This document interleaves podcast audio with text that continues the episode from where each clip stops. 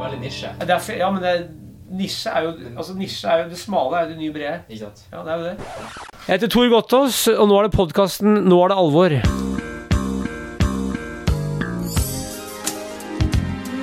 Nå er det alvor. Jeg, hvis jeg skal holde foredrag om et emne, så, så, så har jeg så liten sjøltillit til å si at eh, jeg, da må jeg være den i verden som kan mest om emnet, så gidder jeg ikke ha foredrag. nei, men altså, men altså jeg holder jo masse Fru hadde 150 foredrag. Men, men bare om bøker og emner som jeg For det, det som andre kan bedre enn meg, det kan de snakke om. Jeg satt litt på spissen, altså, men, men, men, jeg, Ja, det skjønner jeg godt.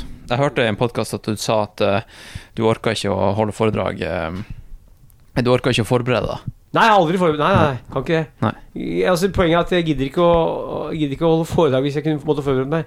Det er, det er jo ikke noe negativt, det, mener jeg. For at, Nei, nei. eh, hvis ikke jeg har det i huet Du vet, Da har du jo forberedt deg. Ja, jeg vet det. Einstein sa jo det at hvis du kan nok om noe, sa han, så, så kan du si det enkelt. Ja.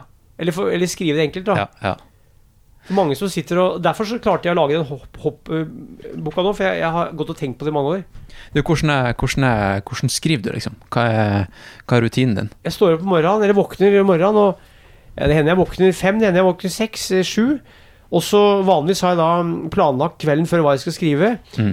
Og jeg er jo heldig, jeg bor i et hus hvor det er stille og rolig, så går jeg ned her, og så sitter jeg og skriver tre til fire sider fra morgenen. I dag så skrev jeg tre og en halv side om norske hoppbakker. Og da, og da var det Researchen hadde jeg gjort på Nasjonalbiblioteket i går. Jeg fikk tak i noe gammelt papir, og så skrev jeg litt etter huet. Så det er sånn um, blanding av planlagt og intuitivt, og prøver å ha tre eller fire sider om dagen. Mm. Uh, og eh, det hender jeg skriver mer, men det går alltid utover neste dag. For hvis du løper åtte timer en dag, så kan du ikke løpe en time neste dag. Så jeg prøver ikke å overdrive, så egentlig less is more. Altså, så jeg prøver å gjøre mest Prøve å ha god dagsverk. Og når jeg har gjort et godt dagsverk, så er jeg fornøyd, for da, da slipper jeg altså å ha dårlig samvittighet. For jeg har jo ikke noe vanlig jobb, og da prøver jeg å lage meg jobben og ha sånn dagsverk hver dag. Så fram til halv tolv skriver jeg cirka, så tar jeg pause, og så hører jeg på svareren hvis det er noen telefon Eller sjekker e-posten, så har jeg litt pause, og så jobber jeg litt mer senere. Men jeg skriver om morgenen, altså. Mm. Du har svarer, ja. Telefonsvar, ja. ja for jeg, jeg, leste, jeg leste Klassekampen eh, nå eh, for et par uker siden. For at eh, nå har de begynt å, å legge Klassekampen litt sånn strategisk i oppgangen i bygget der jeg bor. For å liksom eh, lure oss til å begynne med abonnement. Liksom, litt sånn du får første skudd gratis, og så er du avhengig, ikke sant. Ja. Eh, så jeg, jeg leste det, og tilfeldigvis var du der. Eh, og da, mm, da var det sånn portrettintervju, ikke sant. Ja. Og da, da sto det annet at du var glad i kort, eh, kortbukse. Jeg går i kortbukse Ja. inne hele året, og så løper jeg i kortbukse når jeg er varmegrader. Ja, og så sto det at du ikke hadde smarttelefon og brukte fortsatt gammel eh, hustelefon. Jeg har aldri hatt en mobiltelefon. Jeg har ikke noe imot det, men jeg, jeg trenger ikke å ha det. Jeg klarer meg bra uten. Så Mm. fasttelefon er- Jeg intervjuer mye folk på telefon, og da sitter jeg og kan snakke i timevis. Så jeg hadde ikke orka å sitte og intervjue noen på en, med en smarttelefon, men en gammel fasttelefon som er laget for døve, gamle, sånn blinde. Det er en sånn veldig gammel type. Mm, Store taster. Enormt stor, ja. Og det- den er veldig fin. Og, og har jeg en stol her jeg sitter i hjørnet, så jeg sitter her og har en veldig fin arbeidskrok, da. Og da har jeg ringetid om kvelden. Mm. Og jeg kan sitte og, og, og snakke med noen folk da. Det er én grunn, og så er det at jeg orker ikke å fikle med en lite sånn tastatur som jeg har på en smarttelefon, for at eh, jeg er en voksen mann. Jeg, jeg får helt mark av å sitte som en ekorn, så det går med på sånne ting. Men, men jeg har ikke noe mot det. Det er en genial oppfinnelse, men jeg klarer å leve bra uten det, og er lett tilgjengelig på e-post. Og, og svarer jo fasttelefonen så, og svarer beskjeder, så jeg, jeg syns det er helt greit, altså. Mm. Ja, eh, og så bor du jo eh, ganske tett eh, opp mot marka. Vi var heldige, vi fikk kjøpt det huset her i 2000. Da var det fortsatt ganske billig å kjøpe hus på Korsvoll. For et par millioner så fikk jeg kjøpt et hus her, så jeg bor rett ved skogen. Og jeg vokste opp i Brumunddal i et hus, så jeg må bo nær skogen, ellers så blir jeg gæren. Så, så jeg er veldig privilegert som kan bo her og sitte og jobbe her, for det er fint fyre på ovnen som du hører bak her. Og Mm. Eh, en veldig fin plass å bo fin plass å jobbe for en forfatter som skriver om mye som skjer i bevegelse i, i frisk luft. Mm. Kan du fortelle litt om, eh, om Brumunddal og hvordan det var å vokse opp der? Jeg er født i 1965. Vi, vi bodde faktisk i Oslo i begynnelsen, så jeg lærte å gå på Sognsvann. Far studerte, og mutter'n eh, fødte unger da, noen år. Og vi bodde på Sognsvann, og jeg lærte å gå der. Og vi flytta til Brumunddalen. Først bodde vi i Elverum, bodde et år i Sjøvegan. Far Mm. var lege og jobba oppi der. Og så bodde vi i Elverum, og så kom jeg til Brumunddal da jeg var fem år. Og der var det, gikk vi på ski til skolen. Vi, eh, vi hoppa på ski. og det var veldig mange gode skiløpere, så jeg vokste opp med å gå langrenn til skolen. Og fikk dilla på langrenn og løping og sykling og egentlig all idrett. Så jeg var veldig aktiv da, men jeg var ikke noe god. Men jeg, var, jeg likte å lese skihistorie, så jeg leste da eh, Før jeg var ti år, så tror jeg jeg hadde lest alle bøker om norsk skihistorie. Det var ikke så mange. Mm. om skøyting. Skøytehistorie. Men, men så jeg var veldig opptatt av både å høre på de gamle prate og, og lese om det. Så, så, så jeg var, var da en guttunge som hadde dilla på langrenn, og alle kompisene mine unntatt én gikk på ski. Eh, så det var et sånt miljø jeg drev også med fotball, da. Men jeg fikk en skade, så jeg ble sparka ned i en kamp. Så jeg slutta med det. Men, men eh, idrett var det vi drev med. Og, og, så, og så var jeg interessert i historie da tidlig, så jeg studerte folkeminne. Så det ble faget mitt på Blindern. Folkeminne. Folke- Folkeminnevitenskap, det er da eventyr og sagn og fortellinger. Mentalitetshistorie, det, det er lagt ned som fag. Det ble slått sammen med etnologi. Så nå, da heter det folkeminnevitenskap. Mm. Folkloristikk. Mm. Så de er da eh, med, altså Asbjørnsen var jo forskmann, altså jobba med skog, og Mo var jo prest, Asbjørnsen og Mo, men de var jo på en måte folklorister altså, på 1800-tallet. Så jeg, jeg ser på meg som moderne Asbjørnsen og Mo som reiser rundt i landet og intervjuer folk og skriver bøker og holder foredrag. Mm. Og lager podkaster og radio og litt forskjellig. Ja. Uh, Brumunddal, det er med Mjøsa, ikke sant? Litt Mjøsa, eh, nord for, uh, for Hamar. Nå er det 10 000 innbyggere, og da var det et sted. Nå har det blitt en by fra 1. i 10. 1. 1. januar 2010. Både Moelv og Brumunddal har blitt by, så det er en sånn masse industri der før. Store fabrikker, men fint sted å vokse opp med. Mm. Skog og åse rundt, så veldig fin plass å bo, fint sted å flytte til, og flytte fra for så vidt òg, men jeg skal dit i dag, så jeg liker Brumunddal veldig godt. Du skal dit i dag? Besøker far min, jeg har to brødre og fatter'n som bor der, så jeg besøker han, også har to brødre, så vi går på ski og har det moro. Hvordan eh, kommer du deg dit? Er det- Tar toget. Tar toget til. Gjøvik? Til Nei. Brumunddal. Går det tog til Brumunddal? Ja, det gjør det. Ja, ja, ja, selvfølgelig. En gang i tiden. Ja, ja, Det går til ja. Lillehammer. Selvfølgelig. Ja. All right, så idrett, idrett og historie. Ja. Og eh, ja, det er det som er greia. Ja, jeg har hatt interesse av det, men jeg er ikke noe sportsidiot. For at jeg liker Jeg, li- jeg er jo interessert i kulturhistorie, jeg er interessert i egentlig altfor mye. Nesten alt. Mhm. men, men, men, men, men jeg kan ikke skrive bøker om alt, så jeg har skrevet eh, halvparten av, de 38 bøkene, så er det vel kanskje 14 bøker om skihistorie. Men, men jeg, jeg er interessert i egentlig fortida, og- men òg i nåtida. For, at du, for å forstå nåtida, så må du vite noe om fortida. Og hvis du ikke forstår, eh, kan noe om fortida, så blir du lurt i nåtida. Og har ikke noe særlig greie på hva som skjer i framtida. Så jeg syns det er morsomt å prøve å være opptatt av alt det der. Og så henger du deg opp i enkeltmennesker og enkelttema som er ganske snevre. Men det som er kult, da, i hvert fall det som er min teori, er at hvis du gjør det, så er på en måte det en sånn, et verktøy til å, til å forstå noe større fra samtida da. Det handler egentlig ikke om vedkommende. Riktig. eller jeg skrev bok om femmila, og det er jo historien om Norge. Ja, ikke sant? Jeg skal skrive en bok om norske hoppbakker som kommer om to år, det er jo historien om Norge. Så, Ja, eh, ja. så jeg, helt riktig, og jeg ser da eh, Det er et fint ord som heter kontekst, eller sammenheng, da. Ja. Så jeg, det er helt riktig det, det jeg gjør. Og det er veldig artig, og hvis ting er smalt, så er det interessant hvis det framstilles og fortelles på en ålreit måte. Mm. Mm. Ting kan egentlig ikke bli for sært hvis, det, hvis du har et intelligent eh, eh, blikk på det, og framstiller sånn at det levende, da. Mm. Så eksempel den som du holder på med nå, da, den her, eh, kan hete hopp, Norske Norske hoppbakkere. Norske hoppbakker. Ja. Hva hva er konseptet der? Hva, hva som fikk deg liksom til å starte boka? Jeg har tenkt på det i mange år. Jeg er jo vokst opp med to hopper og gikk på ski eh, forbi to hoppbakker i skolebakken om morgenen. Og hoppa ikke der, jeg hoppa i underrennet, for jeg var en pyse, jeg var reddare. Jeg Hoppa tolv meter sjøl på langrennsski. Men det er noe med hoppbakkene som er en slags mod norske Eiffeltårn. Altså stav, det var stavkirkene, så er det hoppbakkene. De, de kom opp da på tidlig 1900-tallet, så nå er de fleste borte. Men det var en viktig plass å samles. Det var på en måte Der samla folk seg i tusenvis, og der møttes de om vinteren til sånn vinterlig karneval. Eh, det var Mm. festen. Det var å stå og drikke litt hjemmebrent, kanskje, og høre på musikk, og så kom det hoppere, og så var det de tøffeste og beste som vant. Det var manndomsprøven da kvinnfolka så på det, og, og kara prøvde seg. Så det var sånn fesjå, menneskelig fesjå og karneval som, som er ganske unikt for Norge. For den store hoppinteressen var ikke så stor i andre land, men Norge hadde enorm hoppinteresse i mange år, og har det for så vidt enda, men nå er det med på TV, da. Men, men hoppa folk flest, eller var det noe man bare så på? Veldig mange som hoppa i oppveksten. Og gutter hoppa stort sett Hvis gutter kunne bodde et sted hvor det var snø, så hoppa de fleste på ski. En del jenter òg. Mm. Men de slutta etter hvert når bakkene ble større. Da. Så det har noe med å gjøre at det er farlig å hoppe på ski. Og de fleste hoppa etter hvert når bakkene ble store. Slutta. Jeg hørte, jeg hørte Wolfgang ved podkasten. Da, da gjespa du en del. Jeg gjorde det. Jeg var trøtt. Det var, det var for at jeg jobba noe jævlig dagen før. Så det var ikke fordi jeg Det var kun fordi jeg var trøtt av søvn, lite søvn natta før. Ja, for da hadde du, du drev og ferdigstilte ei bok. Gjorde det. Hva det var slags eh, bok? Det var en bok som het 'Livet på Skogvoll', som handler om grenda Skogvoll på Andøya med tre fastboende. Det har vært 150 som har bodd der på det meste, men eh, en kamerat av meg har en far som heter Leif Kristiansen, som har vokst opp der. Og han lurte på om jeg kunne intervjue de gamle. Nei, sa jeg, jeg kan lage en bok hvis du vil gi den ut. Det har bodd 150, nå bor det tre. Det er 96, 84 og 74 år. Så den boka kom ut da i slutten av Eller i november, da, og det er da historien om Skogvold, Livet på Skogvold, Som er en privat utgivelse, ikke noe sånn stor kommersiell utgivelse, men det er morsomt å lage bøker om vanlige mennesker på Andøya, på en grend der. I en grend der. Det er på Andøya. Ja, Andøya, ja. I, i Nordland. no, ja, Nordland, ja. Så det er ikke noe med Brumunddal å gjøre, men jeg, jeg syns det er morsomt og jævlig artig å lage sånne små lokale bøker. For forlaget mitt er Gyldendal. Kommer en bok om Brødre Kvalheim i høst. Men Mm. jeg syns det er morsomt å skrive lokalbøker som, som er noe Tjener ikke noe penger på det, men det er morsomt å gjøre det. altså Mm. Mm.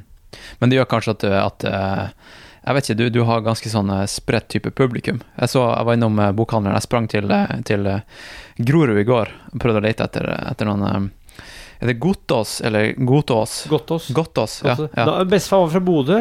Navnet kommer fra en gard oppe i Skogn eller Rognland i Nord-Trøndelag, eller tidligere Nord-Trøndelag. Eh, de, de, har Forfedrene mine utvandret til Bodø, og bestefaren min kom da fra, fra Bodø i 1930 til Oslo. Så far min er i, født på Lillehammer og vokst opp i Oslo, men det heter Gottaas. Mm. ja, jeg prøvde litt etter, etter bøker, og, da, og da, da var det da var det vel kun den der eh, om norske utedoer. Den kom i fjor, norske utedoer. Det er Ja. norgeshistorien sett gjennom et dasshøl. Og den er faktisk trykt i 32 000 eksemplarer, for det er jo en sånn typisk gavebok. Og, det, og der Ja. ser jeg norgeshistorien gjennom, gjennom å skrive om utedoen. Så sånn Froskeperspektiv fra, fra dritten. Ja, og også jeg sier at boka er så solid at den kan ligge på utedass, men papiret er så tjukt at du kan ikke tørke deg med det. Så den ligger på mange utedoer. Og var julegave i fjor, og tydeligvis i år, for nå er det trykt nytt opplag, så nå er det 32 000 på den. Det er, det er morsomt, syns jeg. Men den blir ikke oversatt til masse språk. Eh, Nei, altså eh, jeg, jeg mener jo det at eh, den kunne vært en attraksjon i Tyskland, for at tyskere har jo et forhold til Norge. De fleste tyskere liker jo Norge, så Mm. jeg mener at det kunne vært en attraktiv bok i Tyskland. Eksotisk, men foreløpig er den ikke det. Men du vet jo aldri. Nei, men eh, den der, eh, den der eh, løpingen verdenshistorie, den er oversatt til mange språk. Det kom ut i 2008 på norsk og er oversatt til 17 eller 18 språk. Og det siste er at nå er det et forlag i Nigeria som kikker på den. I Ja. Nigeria. Nigeria, Så det er vel masse språk i Nigeria, tipper jeg. Men det er oversatt til japansk, arabisk, engelsk, russisk, svensk, dansk, tysk, nederlandsk, koreansk, italiensk, tyrkisk, serbisk, tsjekkisk. Jeg har ikke alle i huet, men det er, det er noen til. Men det er 17-18 språk. Kunne du eh, potensielt reist rundt i verden og holdt masse foredrag? Jeg har blitt spurt noen ganger om å holde foredrag både i Tyskland, eh, Nederland og i Sverige på store maraton. Eh, men det ikke jeg, og jeg har sagt nei. Og grunnen er at jeg, jeg liker ikke å komme til et sted hvor det er La oss si en sånn messe, messeområde, så står Mm. det da så er det masse, for Hvis jeg skal holde foredrag, så skal det være for folk som hører på. Jeg gidder ikke å prate for folk som ikke hører på. Eh, Så, så jeg Ja, kunne vært både i Lidingløpet og i Berlin, og, men, men jeg kunne sikkert gjort det. Eller, eller, eller jeg kunne promotert meg som en som gjorde det, men jeg har ikke gjort det. Jeg, jeg foretrekker å holde meg til Norge. Jeg har vært på en litteraturfestival i utlandet, Irland og sånn, men jeg, for, jeg foretrekker å, å dyrke og formidle norsk kulturhistorie i Norge blant nordmenn. På Mm. norsk. Jeg liker heller ikke å holde foredrag på engelsk. For at det, jeg har jo bodd i USA i, i to perioder og vært ti ganger i Australia, men jeg prater bra engelsk, men jeg har mye bedre Jeg kan, kan sjonglere og være mye mer akrobat på det norske språket. Mm. Og, jeg liker best å uttrykke meg på norsk. Mm. Hva du liker med Liker du det norske språket? Jeg Føler du at det er komplett, liksom? Jeg syns det for nordmann så er det det, og jeg er jo vokst opp på Østlandet, så jeg, jeg er østlending og prater østnorsk, men jeg liker det norske språket, og eh, det, det er veldig fint å skrive på norsk. Jeg kan skrive engelsk bra, men, men jeg liker Jeg syns det er menneskerett å snakke norsk i Norge, altså. Mm. Mm. Jeg hadde ikke orka å snakke engelsk på en arbeidsplass, men jeg, nå har jeg vært lærer og snakka norsk der, men det er noen som må snakke engelsk, har skjønt, i Norge på arbeidsplass, men det Hold på det norske språket, altså. Det er, det er verdifullt. Mm. Hva, du har, eh, hva, du- hva du har vært lærer i? Jeg var lektor på Heltberg i 15 år, en privatgymnas i Oslo. Jeg hadde Mm. historie. Begynte som gymlærer, så hadde jeg historie, samfunnsfag, friluftsliv, religion. Jeg hadde ikke full stilling, men jeg var, lærer, var der i 15 år. Men jeg slutta på dagen eller på minuttet, for jeg orka ikke å være byråkrat. Det ble for mye byråkrati, da. Jeg likte å være lærer, men jeg likte ikke å være byråkrat, for du må sitte og Det er skjemaer i huet og ræva, du må fylle ut um, Altså, jeg orka ikke det. Det handler ikke om yrke, liksom. Det Jeg, sa, jeg om sa vel eh, det, jeg sa vel det at jeg, jeg, jeg Enten så er jeg for dum til å jobbe her, eller så er jeg ikke dum nok. Så, så sa jeg det at jeg, jeg godtar at vi skal behandle elevene som de går i barnehagen, jeg godtar ikke at ledelsen behandler lærerne som lærerne går i barnehagen, sa jeg da. I, Ja, ja. I, litt sånn forbannelse. Men, men jeg var veldig fin skole, fin jobb. Men, men jeg har andre alternativer, og kunne da være være forfatter på heltid. Så, uh, så jeg syns det var best å være det, for det tar mye tid å skrive bøker. og da er det fint å ha muligheten til å være fri til å reise rundt og sånn. Så Mm. jeg, jeg skulle gjerne vært lærer, ja, hvis det var mindre byråkrati, skulle jeg gjerne vært lærer på videregående, for det er en veldig fin jobb, og fint å jobbe med ungdom. Og særlig historie, da, som jeg liker å formidle. Hvordan gjør du research til uh, f.eks. denne Kvalheim-boka? Da snakka jeg mye med Arne og Knut Kvalheim. De er jo Mm. Selvfølgelig. Ja. Hvis de er i live, så er det ganske enkelt. Hvis jeg, med, Ja. hvis jeg skriver om folk som er i live, så snakker jeg med de. Hvis noen er død, så snakker jeg med unger og barnebarn og slektninger. Ja. Og der snakka jeg med rundt 50 personer. Jeg skrev bok om Olv og Brå, da snakka jeg om kanskje 70 personer. Så jeg snakker med de som kan noe om det, men først og fremst da her, og de som er hovedpersonen. Jeg skrev en bok om femmila, da snakka jeg med gamle langrennsløpere. Jeg skrev en bok om løping, da snakka jeg med løpere rundt i Norge, rundt i verden. Så det er rett og slett at jeg, oppsøker personer og bruker skriftlige kilder. I går var jeg på Nasjonalbiblioteket og fant en del stoff om hoppbakker eh, i gamle tidsskrifter. Mm. Og det fikk jeg tilsendt i dag, faktisk, av, en som heter Gunhild Holmen. Veldig snill, grei bibliotekar. Men da satt vi og plotta ut i tidsskrifter. Det fikk jeg tilsendt elektronisk. Eh, men ofte er det papir. eh, Gamle dagbøker, brev. eh, Riksarkivet, Statsarkivet. Eh, eh, folk har private brev, private samlinger. Mm. Det er masse, Mm. masse mulighet til å finne stoff rundt omkring. Jeg tror jeg, Når jeg tenker på liksom tilbake i historien, og sånt, så, så det er akkurat som at et eller annet stopper den sånn switch før vi har bilde av det. Liksom, da fotoapparatet kom, der er det akkurat som at det er en sånn switch i hodet mitt, i hvert fall. Um, hvordan, hvordan ser du for deg liksom, fortida, hvis du spoler 2000 år tilbake? For at liksom eh, Jeg vet at vi, vi deler gener med dem som levde for 20 000 år siden. Vi er akkurat samme mennesker, så de hadde på en måte akkurat samme sinnstilstand. De var akkurat samme type mennesker. Eh, jeg vet ikke, Hvordan liksom klarer du virkelig å sette deg inn i dem som levde før oss? Ja, altså Hvis du går 100 år tilbake i tid, så finnes det bilder. Men f.eks. ta skihopping, da. Skibakker. Mm. Det fins nesten ikke bilder av hoppbakker før 1900. Jeg, jeg har sett noen få bilder av folk som hopper på ski før, 100, før, før, før 1900, men, og, og noe av det skal være med i boka mi. Men, men hvis du går så langt tilbake som 2000 år, da, Mm. så prøver jeg å ha et bilde oppi huet. Hvis jeg f.eks. skrev en bok da, om Brumunddal, som jeg gjorde, bygdebok, da, og der var det utgravninger som viste at her hadde bodd folk i 2000 år, så hadde jeg en beskrivelse i boka da, av de som hadde sannsynligvis skinnklær. De var kanskje Mennene hadde skjegg, sannsynligvis. Eh, de, det er ikke sikkert de var De var sannsynligvis ganske kraftige. Så jeg prøver å sette meg inn i det. Det er jo umulig å leve seg inn i livet sånn det var for 2000 år siden. Men jeg tenker at det var veldig likt, men det var også ganske annerledes på noen måter. Mm. Andre livsvilkår, da. Så jeg prøver å bruke bilder, som du sa. Og eh, i mange av bøkene mine så er det jo da bilder tilbake til kanskje 1860-70-åra om de emnene jeg har. Ellers så er det eldre ting, og da, da må man leve seg inn i det. Eh, Det er en slags Jeg mener jeg har, har en slags Jeg har en trening i det. Jeg sier ikke at min måte er den beste og den riktigste, eller eneste riktige, men jeg prøver å sette meg inn i det. Eh, nå er jeg særlig glad i å skrive historier som er de siste 200 år. Og da har vi mye bilder i mye av perioden, så det er lettere å sette seg inn i det som du har bilder av. Mm. Så fins det jo malerier, da.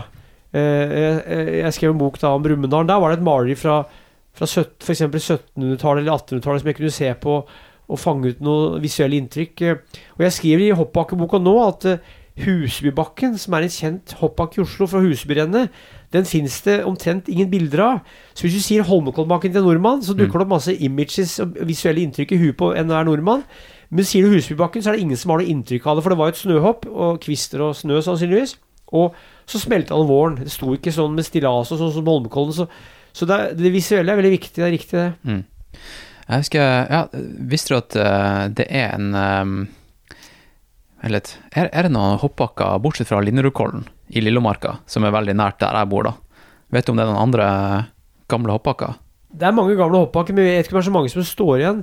Nei. Som du kan se. Det er bare sånne eh, ruiner, liksom. Ja, det er, ja rester av og Linderkollen er jo i bruk. Og det er vel helt sikkert flere, altså, men nå er ikke jeg så Jeg har ikke begynt for fullt med den boka ennå, så jeg har Nei, ikke spana hele Oslo. Men, men, men, men eh, det fins hoppbakker overalt hvis du vet hvor de har vært hen. Og det, en som heter Ronny Ramberg har undersøkt hoppbakken i Oslo. Og det var jo så klart langt over 100 bakker i Oslo. Mm. I Trondheim er det registrert 140 bakker, tror jeg, minst. Og hvis du tar Oslo alle, så er det hundrevis. For mange skoler hadde jo bakke, og mange borettslag hadde bakker. Så det krydda hoppbakker. Hvis du tar det i 150-årsperspektiv, så, så er det helt sikkert flere hundre som har vært. Mm. Hva, når begynte idrett i Norge? Det er et spørsmål som definerer, for det var jo idrett i vikingtida. Men da var det sannsynligvis for at eh, soldater eh, og unge menn skulle klare seg til å slåss. De kasta stein, de kasta spyd. Noen løp om kapp, de løfta steiner, de gikk på ski. Mm. Og det var noen slags olympiske leker nede i Eller, eller de norrøne olympiske leker var med noe som heter Brenn, Brennø nede i Göteborg-traktene hvert tredje år. Eh, har jeg lest N om. når var det her? Eh, vi er på 900-tallet, 1000-tallet kanskje. Ja, ja. Eh, Så de drev nok med idrett, men det var eh, kappedyss som menn drev med. De hoppa kanskje over en bekk, de hoppa kanskje over en, eh, en elv eller et juv. Eh, Så sånne ting eh, har vi da. Men moderne idrett, det, det, det, det dukker opp da på 1800-tallet. Og kommer fra England, det kommer fra Tyskland, først og fremst i Norge. da Mm. Du har da tyske eh, håndverksvenner som er i Norge, som starter turngrupper i Norge. Du har vel en i Arendal som er starta på 1850-tallet, så vidt jeg vet. Uh, turngrupper, da. Men nå kommer ideer om uh, gymnastikk fra Sverige. Og der er jo da tyske uh, ideer, en som heter Godsmuts på 1700-tallet, som, som mente at unger da eh, Det har jo med skolegang å gjøre. Det kom en gymnastikklov i Norge det var vel kanskje i 1869 hvor at alle unger skulle ha gymnastikk. Det var ikke alle som hadde det, men da kom kravet, da. Eh, og så har du da eh, første hopprenn regnes å være i 1808 under krigen mot Sverige. En som heter Olav Rye. Olav Ryes plass i Oslo. Ja. Vant et hopprenn, hoppa 9,5 meter. Hoppa to meter Eller han hoppa tre alen, eller var det høyere enn trøndere? Han hoppa 9,5 meter langt. Da gikk alen altså høyde, men han trakk opp beina, og så Ja. så ut som han hoppa jævlig høyt, da. Ja. Eh, og så er det et første langrenn som regnes eh, offisielt, er i Tromsø i 1843, i mars-april.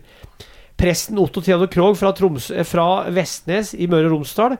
Han var redaktør av, eh, tror jeg, eller i hvert fall journalist i avisa oppi der, og så var han prest. Han var sånn som bada naken i snøen og tok badstue og sånn, og drakk ikke alkohol. Så mange prester var jo veldig fordrukne den tida. Han mente at eh, langrenn var bra, så der var det en kven som vant en fem kilometer fellesstart. Han brukte to staver, tror jeg. Det regnes for å være verdens første langrenn, men samene har gått på ski lenge før det. Vi vet Mm, at samene hadde veddeløp oppe i nord, og mange tryslinger har gått på ski, og det var da sånn reglement i militæret om skiløping, både hopping og skyting og langrenn, så eh, men vi regner da 1861 som et viktig år, for da ble Sentralforeningen for legemsøvelser og våpenøvelser stifta. Starta med tanke på å lage skytterlag for å bryte seg ut av unionen med Sverige. Så du hadde militær rot, det militært opphav, den idretten. Og da var det skytterlag som hadde skytestevner, de hadde hopprenn, langrenn, fra 1880-åra. Og i tillegg så vet du at det var løping kom da etter hvert. eh, Friidrett kom da, og kom fra England. eh, Og, og, og fotball og sånne ting. Og roing òg. Så du begynte i det små. Organisert moderne idrett kan vi si etter 1850. Ok. Og hvordan ble, ble nasjonalidrettene til? Vet du noe om det? Fordi, hva, hva var nasjonalidrettene våre? Skøyter og ski. Ikke sant? Ja. Er det fortsatt det? Ja, skøyter og ski. Og uh, skøyter var jo veldig stort, for det, da, da måtte du gå av is, så klart. Men i Kristiania, skøyter var jo en mer urban idrett enn ski. Altså, i, i skøyter så kunne du gå på enten stadion eller på Mjøsa, f.eks. Det var store løp Mm. på Mjøsa i Mm. slutten av 1800-tallet. I, Åkersvika der, ikke så langt fra der hvor Vikingskipet ligger i dag, men i isen der så gikk det jo store løp da med masse tilskuere. Eh, og så var det hopprenn da, eh, der det var snø. De brukte naturen, altså de brukte da isen, de brukte snøen, de brukte bakkene, formasjonene. Så det, var det at vi hadde en som het Fridtjof Nansen i 1888, som gikk da på Grønland. Altså i fire-fem år før så var det noen svensker som hadde gått inn på Grønland. Eh, og de hadde ikke gått hele Grønland, men de gikk inn på Grønland, og da tenkte Nansen at nå skal jeg gå hele Grønland. Så han, han, han skulle utfordre å slå svenskene, og gjorde det da i 1888. Skrev boka 'På ski over Grønland', som ble en bestselger både i Norge og i mange land. Og, og, og så har du da eh, polferdene da med ja, Amundsen og etter hvert da, og Nansen. Så det, vi gikk på ski på en måte ut av unionen med Sverige, og det var naturlig at eh, skisporten og skøytesporten skulle bli vår, vår, vår nasjonalidrett, for det var jo noe som passa så bra i Norge. Da prins Carl, den danske kongen, kom til Norge i 1905 Eller han, han var jo da på det Han het jo prins Carl og var dansk prins og ble kong Haakon 7. Og overtok ja, Han var gift med søskenbarnet sitt. Sønnen het Alexander og fikk navnet Olav. Kom til Norge da, og han var på det første ho- Holmenkollrennet eh, Altså Holmenkollrennet hadde jo starta med Husebrennet i 1879 og het Holmenkollenrennet fra 293, for da var det flyttet opp til Holmenkollen. Men Håkon han var da og så på Holmenkollen i 1906. Det var et forferdelig møkkavær. Det var februar, det snødde, det blåste, det var helt jævlig. Eh, og det finnes noen bilder hvor kongen står i snøblest. Men da sa Nansen hadde sagt at eh, skal du være på skirenn i Norge, så skal du holde ut kulda. Du skal holde ut kulda, da vil nordmenn like deg. Da blir du helt i Norge. Mm. Han hadde sånne spesiale sko med støvler med to lag inni. Eh, Støvler, også innestøvler og utestøvler, og, og spesielle frakker da, som gjorde at den ikke frøs så mye som andre folk. Og så drakk han litt brennevin kanskje i pausen. Eh, Kong Haakon. Men han, og, og da var det en kongelig sport. Både skøyter og skisport, altså hopping og langrenn. Det var kombinert da. Og da det var vinterstevne på Lillehammer i 1909, så var det, var det var vel både travløp og skøyteløp og skirenn. Da kom kongen. Det var hovedlandsrennet på ski. Det var het NM fra 1938. Så kongene var til stede. Det var viktig som et symbol. Og Nansen var nasjonalhelt. Og de største norske heltene da var Nansen og Amundsen og sånne som hadde Ja, så det er jo derfor det ble Tor Boman Larsen skrev en veldig bo, bra bok som het 'Den evige sne', som handler om det her, her nasjonalbygginga. Men det er ikke sikkert skiløpere sjøl tenkte det sånn, men det var kanskje da nasjonsbyggerne som tenkte at det her er perfekt for oss. Men du ser det i andre land òg, for du har land som eh, har blitt frigitt som Norge. Eh, Norge var jo da i 1905, Finland i 1917. Det hadde vært under Russland. Der ble løping nasjonalidrett. Mm. Altså løping. I, men I, I Finland. Ja, i Finland var det løping. Men. Norge hadde jo maraton i 1896. De hadde ikke Finland. Maraton starta mye før i Norge enn Finland, men der ble løping stort. For i 1912 så var det, var det OL i Stockholm, og der, der var da finnene var jo under Russland, eller Sovjet, Russland da, fram til 6.12.1917.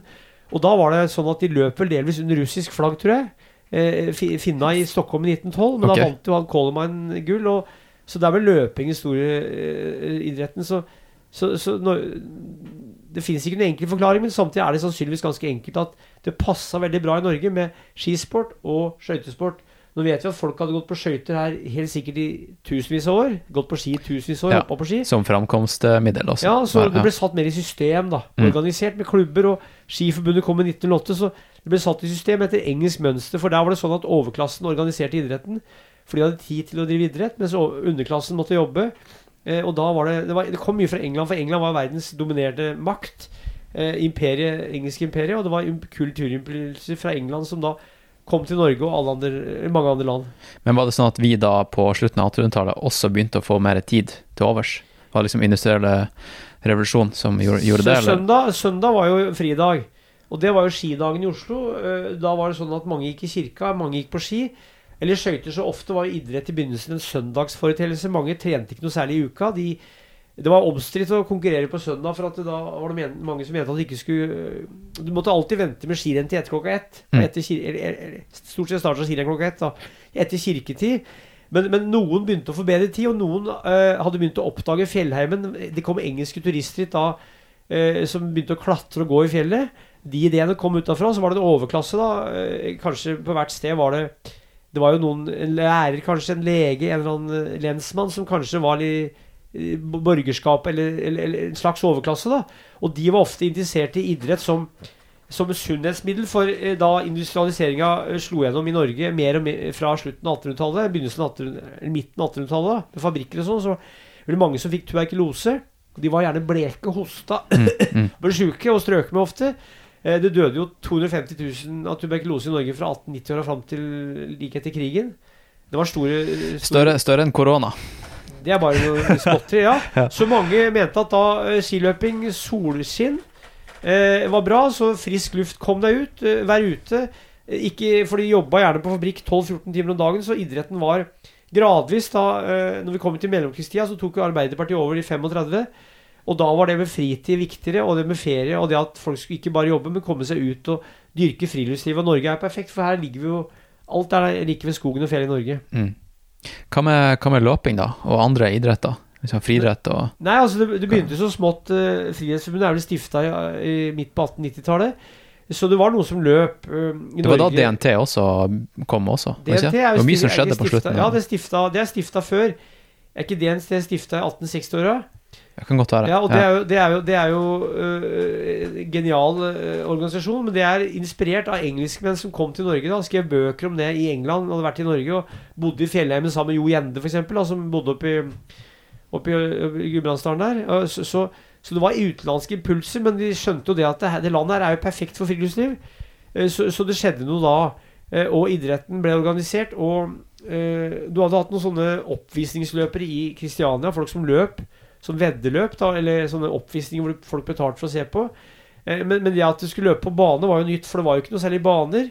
Eh, men du hadde da noen så hadde du sånne sykkelvelodromer, du hadde travbaner, og så fikk du bygd da baner. Så løping som idrett, det ble gradvis da større i Norge fra eh, ut på tidlig 1900-tallet, men du måtte ha baner da for å løpe baneløp. Og så Mm. var det maraton allerede i 1896. Var det høsten i 1896 så løp de et maraton fra Vestby til Bekkelaget. Uh, det var en som heter Bjerke som vant på 3.32, tror jeg. Det var maraton. Det første maratonet i verden var jo da vinteren 1896. Eh, Maratonet i Aten var vel i april 1896. OL, altså. Det var først noe uttagningsløp. Så Norge var et av de første landene i verden med, med, med maraton. Og eh, da starta jo Boston Maraton i 1897, så vi var veldig tidlig ute med friidrett her. Og fordi OL var i Stockholm i 1912, så var friidrett og løping ganske populært i Norge tidlig, faktisk. Mm. I, I Skandinavia, da, Norge, Sverige, Finland, var, var frihet veldig stort, og er det for så vidt enda. Det er, det er mye mer bevissthet sånn eh, relativt sett i Norge med, om friidrett enn det er f.eks. i USA. Selv om frihet er stort i USA, men ikke, ikke så stort blant vanlige folk som Altså bevisstheten i Norge var stor rundt løping og frihet ganske tidlig. Mm.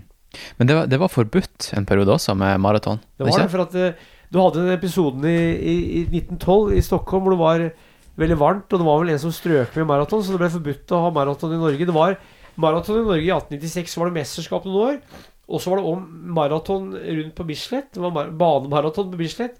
Jeg har for så vidt tenkt å lage en bok om maratonens historie i Norge, og det har jeg tenkt på i mange år, så jeg bør egentlig gjøre det. Men det, da må jeg bare sette meg ned og bruke den tida det tar. Må bruke et halvår på det. Ja, ja, så, Ja. Så, så det var maraton. Og så ble det forbudt, da. Eh, noen år Jeg vet at det var maraton eh, som var med i 1928 i OL. Eh, og så ble det forbudt da til eh, utpå 40-50-tallet. Eh, og en som heter Jon Systad. Han var fra Bergen. Han flytta ut til Sverige for, for å løpe maraton. Og flere nordmenn flytta faktisk til Sverige for å løpe maraton, for det var forbudt å løpe i Norge, men i Sverige var det stort. Så det var en som bodde der som het uh, Shore Thompson, som bodde i Gøteborg, vet jeg.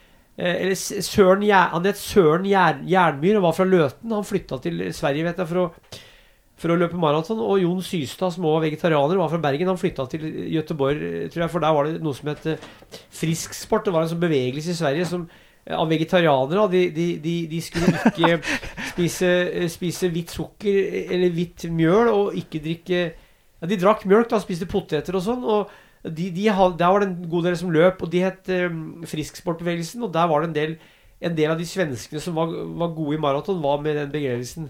Jeg var intervjua en som het Erik Østby, som var født i 19...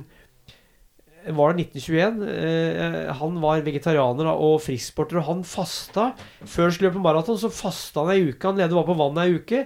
Og så drakk han gulrotsaft, altså spiste han sunt, og så drakk han aldri maraton. Så han, han løp maraton og gikk ned 4-5 kilo, for han mente at hvis han ikke drakk i maraton, så ble, ble løp han fortere og fortere. For han, han drakk jo ikke og ble lettere og lettere, da. Så han gikk ned 4-5 kilo så han i maraton og løper på 2,27 da han var 6-57 år. Erik Østby han var, veide vel 53 kilo i utgangspunktet, tror jeg. 1,70 ca. Han var, altså, veggis, han var med i bevegelsen. Jeg var intervjua han i 2006, for han var sønn av en som het Sverre Østby, som da var norsk skimaker, som jeg skrev en bok om skifabrikker. da så jeg, han, han var uekte ungen hans, da, så jeg besøkte han i 2006 i Gøteborg. Da var han 85 år. Mm. Og han fortalte om det her, da, at de, de, de, de eh, Og han trente veldig mye intuitivt, da, ikke intervall, for det, var, det her var på 50-tallet, da. Så han slutta å trene intervall og løp bare sånn intuitivt, mye sånn fartslek og langtur. eh, For ikke å drive rovdrift på kroppen. Og så var han vegetarianer, og det var en god del av de som var. Og det var annet noen nordmenn som bodde der, så han, han syste da. Jævlig artig å høre at de her eh, type trendene de går jo i syklus. Vi er jo litt sånn tilbake i det nå også. Liksom, det er veldig mange ultraløpere som begynte med å være veganer for noen år siden. Liksom, ultraløping og, veganisme var litt sånn gikk eh, hånd i hånd, ikke sant. Eh, Det er flere av de tidligere ultraløperne som var, var vegetarianere, og det er ikke sikkert de sa det, men, men, men, men, de fant ut at eh, ved å, ved, å, ved, å, ved å ikke spise kjøtt, eller hva det var, så, så, så, ble de mer utholdende, eller følte seg bedre. Så, og vi går til antikken, og så vet vi at eh, så var det jo folk som var vegetarianere der òg, som, som drev med idrett. Ikke brytere, de de spiste mye kjøtt for å bli hissige, for å få temperament. Men, men det, er, det er eksempler på veggiser, da, i betydningen at de ikke spiser kjøtt. Tilbake til antikken. Og på 1800-tallet er det flere, flere eksempler på, på folk som da eh, unngår kjøtt. Både syklister, langdistansesyklister, for det var noe som het seksdagersløp. Seksdagersløp i sykkel, hvor de sykla rundt og rundt på banen i seks dager, og seksdagersløp da løping. Der var det faktisk en god del veggiser ganske tidlig. Ikke i Norge, men i andre land. Så, eh, I Tyskland og England og USA. Eh, men det kan diskutere hva var en vegetarianer, da. Eh, spiste ikke kjøtt, spiste ikke fisk. Det var, det var, det var en som heter Bernard McFadden, en amerikaner som, som, som, som drev et sånn eh, Hadde et blad som het Physical Culture Magazine. Han var kroppsbygger. Han hadde masse teorier. da som, Det var masse sånne folk som flørta med forskjellige, forskjellige teorier Hm. om kosthold. artig, ass. Ja, Hvor mye er det skrevet ned med liksom, kosthold og, og hvordan de trente? Sånn 100, eller hvor langt tilbake i tid det har finnes, man eh, Det fins bøker fra 1800-tallet, og da jeg skrev boka 'Løping i verdenshistorie', så var jeg borte i London. British Library. Eh, jævlig god historie for øvrig, for da kom jeg dit. Da har jeg vært først i Sverige, Danmark og Nederland, gjort research. Skulle over til England, tok båten fra Hock van Holland over til England. Og så kom jeg til British Library, så fikk jeg ikke, slapp ikke inn. Hvorfor det? Jeg hadde ikke med norsk ID med adresse. Jeg hadde med pass, jeg hadde med kredittkort, jeg hadde med forsikring, men den sto på navnet til kjerringa, men jeg betalte den. så jeg slapp ikke inn, for så spurte jeg hva kan jeg ha. Jo, hvis du har en gassregning, sa Det er ikke nordmann som drar til England med gassregning, sa jeg. Det var i 2007. Så jeg måtte dra hjem til Norge, da. Tok fly hjem og dro tilbake ut, uka etterpå. Hadde med fem ID-er. Men da satt jeg og leste gamle bøker på British Library fra 16-, 17- og 1800-tallet, og fant jo masse rart der. Eh, hvordan engelskmenn har skrevet om, om trening og kosthold. Eh, eh, veldig mange av de spiste mye kjøtt, mange drakk mye øl. Eh, det varierte veldig, men, men, men, men, det var altså ofte et veldig kraftig kosthold. da med, med, med, med, Vi kan tenke oss kosthold i dag er sånn at vi kan jo importere mat fra hele verden, men da måtte de spise lokalt. Og det var, det var altså eksempler på da, folk som spiste mye kjøtt og drakk mye øl og var gode løpere i England på 1800-tallet. Mm. Eller mye vin, da. Eh, Mye vin, ja. Men jeg vet ikke om vin var alkohol, for det kunne vært druesaft òg. Sant. Men, men, men, De bare det blir- kalte det vin. men, men vi vet jo at mange prøvde å forvirre konkurrentene med å si at de gjorde sånn og sånn, og så gjorde de egentlig noe helt annet. Ja. Og mye av det som sto i bøker på 1800-tallet, det var ikke sant, tror jeg. Det var bare løgn for å forvirre kon- konkurrenter. Eller bløff. Altså, vi hadde ja. kanskje et annet syn på det som er sant i dag. Enn det vi har, for vi er jo kanskje mange også opptatt i en slags vitenskapelig tradisjon. I hvert fall jeg tror jeg er det, da. Mm. Og vi går på skolen og hører at det er sant og det er usant, men så er det mange som tror på religion for det, da. Det er ofte bare tull, etter min mening. Men altså, det er mulig at mye av det som sto på trykk i bøker, var eventyr, altså. Og, og, da Mm. kunne, og jeg vet f.eks. ta 1952 i OL, da, så vet jeg at eh, da ble norske skiløpere intervjua av mange. De bløffa journalistene, for de likte ikke å si hva de drev med. Og mange løpere på 50-tallet òg, for å ta det, da. De likte ikke å si hva de drev med, så de, de sa bevisst feil ting til journalistene, og så skrev de det, og så trodde folk på det.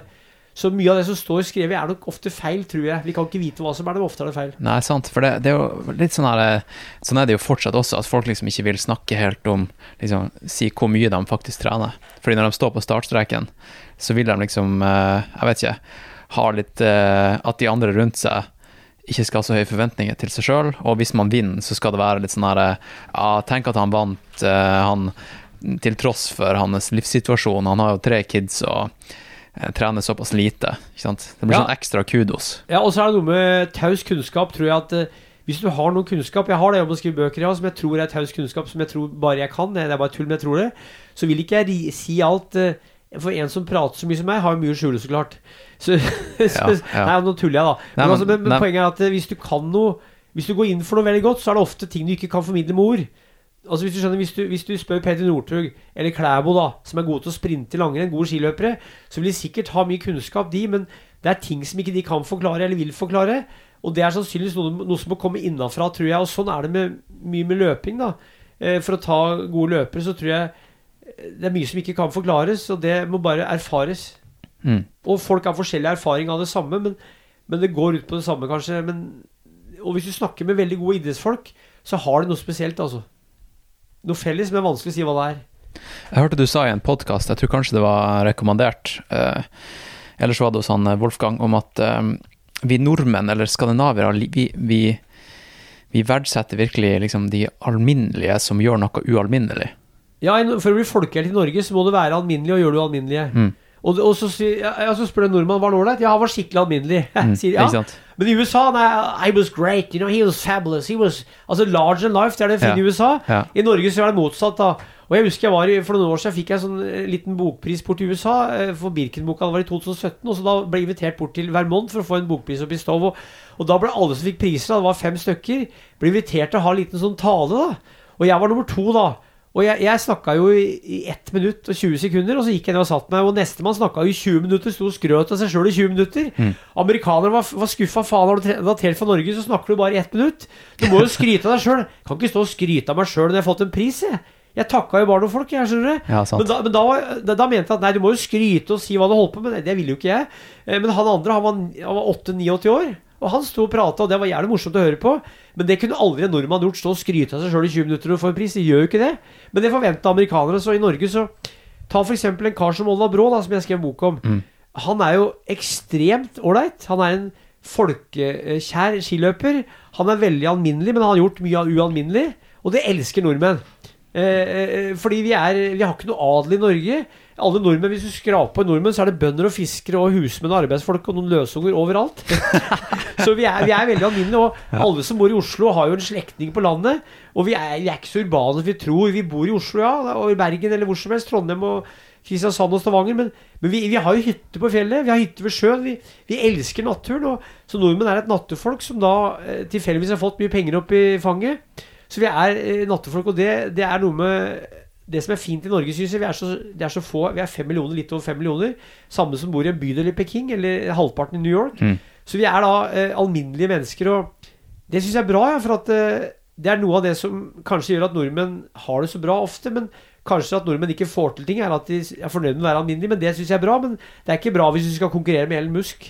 Nei, det er sant. Men uh, hun, uh, hun Gro Harlem Brundtland uh, hun hadde jo litt annen mening, da. Det med at det er typisk norsk å være god, det vokste jeg opp med på 90-tallet. Gro Harlem Brundtland er født på 50-årsdagen til Hitler. Ikke noen sammenheng for øvrig, men, også, men, hun er født i 39, og Hitler fylte 50 år den dagen. Og hun har gjort mye bra, og er flink dame, men, men, men Gro Harlem Brundtland Nå jobber hun internasjonalt. Da jobba hun nasjonalt da hun var politiker. så ja. Norge, nordmenn er flinke, de, men det er veldig bra i Norge at vi er fornøyd med å være fornøyd her. Men, men de siste åra har vi kanskje blitt mer retta ut mot verden, for internett har gjort at vi har blitt mer internasjonale. Men det er jo typisk det. Når du ser Norge, så det er ikke så vanskelig å bli norgesmester, men det er veldig vanskelig å bli verdensmester. Mm. Men norgesmester kan veldig mange bli hvis de sant, kjenner de rette folka, ja, ja. har de rette forbindelsene, ja. jobber hardt nok og er litt smart, eh, eller gjør det smarte, så er det er veldig lett å bli kretsmester i Norge, klubbmester i Norge og norgesmester. Men verdensmester, da må du bli som Thor Heyerdahl, dra ut i verden og og, og, og, lobbyere rundt i verden. Men det er ikke så lett for nordmenn, altså. Nei. Jeg, jeg, jeg hørte, en podkast eh, Du vet han der Spotify-gründeren, jeg tror han heter Daniel Ek. Svensken? Ja. ja. Han var på Tim Ferris show, og da sa han at i Sverige har vi et ord som heter lagom. Ja. Det, det, vet jo vi alt om. Og det er jo veldig Det, ikke, det betyr ikke nøyaktig det samme som alminnelig, Nei. men det har veldig samme betydning. Og, der, og der søkte dem Han sa jo da, han prøvde å forklare til en amerikaner, konseptet med lagom, for det har de ikke De har ikke et ekvivalent ord på engelsk. Men lagom er jo det her nøyaktig det her med å være alminnelig. Ja. Ikke for mye, ikke for, for lite, men bare akkurat riktig, liksom. Jeg tror det, at det gjør at nordmenn er veldig fornøyd. At de mm. er fornøyd med det der men det er ikke sikkert i, i, i verdenskonkurransen, altså mange deltar i, så er det ikke sikkert at det er ideelt å ha det som livsholdning. Men jeg tror det gjør at befolkningen er veldig, veldig fornøyd. Og, og, det er bra, for det. jeg tror gjennomsnittlig lykken er ganske høy i Norge. Og det er jo bra for et folk, syns jeg. Mm, mm. Nå har vi fått uh, besøk her. Ja. Hvem har vi på besøk her? Jo, uh, vi har vært ute og gått tur. Det er Katrine og Dino. Ja. Gikk du langt, eller? Uh, jeg vet ikke. Jeg tror jeg har gått en time eller noe. Kanskje tre kvarter? Ja, gikk i skogen? Det var veldig sølete. I skogen? Ja. Og snø Ja. Men det var deilig. Ja. Mm. Du, skal, du, skal, ordne deg et eh, juletre etterpå? Jeg skal i hvert fall tenke å gå og hente et juletre, men det er ikke sikkert du blir med. Du gjør som du vil, du. Jeg er ikke sikker på hvor lang tid det tar. Men uh, jeg så noen fine juletrær nå, da. Gjorde du det? Ja, ja. langs veien der. Jeg har øks, jeg, så jeg ikke gå og hogge. Mm, ja, du kan gjøre uh, Men uh, ja. Mm. Dere skal holde på litt? Vi holder på litt til. Uh, vi må i hvert fall kunne runde av på en bra måte, ja, tenker jeg. Du bestemmer. Uh, ja. Vi kan, skal vi si, skal vi si kvarter? Ja. Ti, ti minutter kvarter? Ja. Så kan vi ta og plukke opp etter nyttår. Ja. ja. Jeg, jeg blir med og stjeler det juletreet neste år, jeg. Suverent. Bra. Ha det. Okay, okay. Vi prates. Kjør forsiktig, da.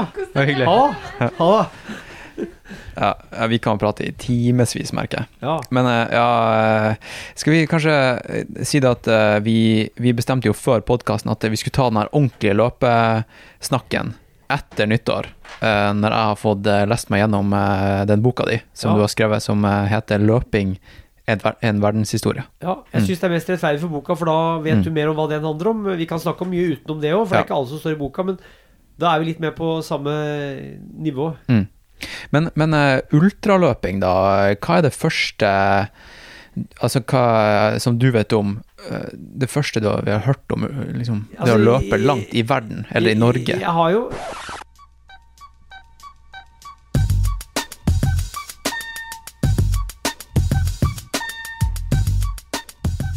All right, eh, folkens. Uh, sorry, men jeg må rett og slett bare sette en strek der.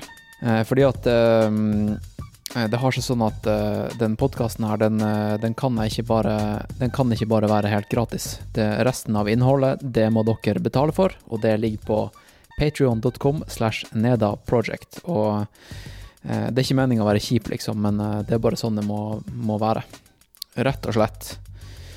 Rett og slett, folkens. Da, da ønsker dere en eh, fin dag videre, og så ses vi inne på patrion.com slash nedaproject.